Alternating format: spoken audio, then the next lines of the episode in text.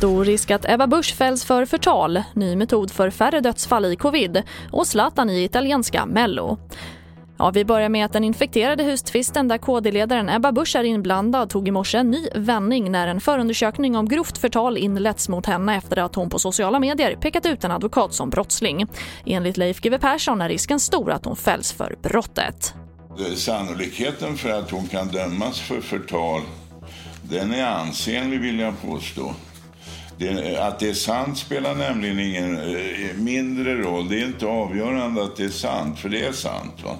Utan det ska dessutom vara försvarbart med tanke på sammanhanget. Och det har jag svårt att se att det är. Va? Och där hörde vi Leif GW Persson. Och som en ny arbetsmetod som testats i Region Jönköping för att färre ska dö i covid-19 genom att tidigt fånga upp smittade och personer med symptom som bedöms ha större risk att bli svårt sjuka ser vårdcentralerna till att patienterna får rätt vård innan det gått för långt. I ett helt nytt arbetssätt de kallar säker covid ringer områdets 40-talet vårdcentraler regelbundet upp de patienter som bedöms vara i en riskgrupp och som testats positivt eller har symptom på covid-19. Enligt en checklista skannar de under 14 dagar efter varningstecken för att snabbt få in dem till sjukhus om läget förvärras.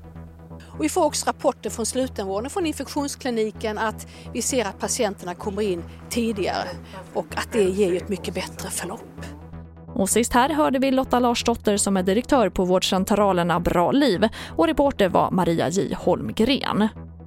Och vi avslutar med att Zlatan Ibrahimovic ska vara med i Melodifestivalen. Men inte med eget bidrag utan den svenska fotbollsgiganten agerar programledar-sidekick i den italienska upplagan av programmet, det rapporterar SVT.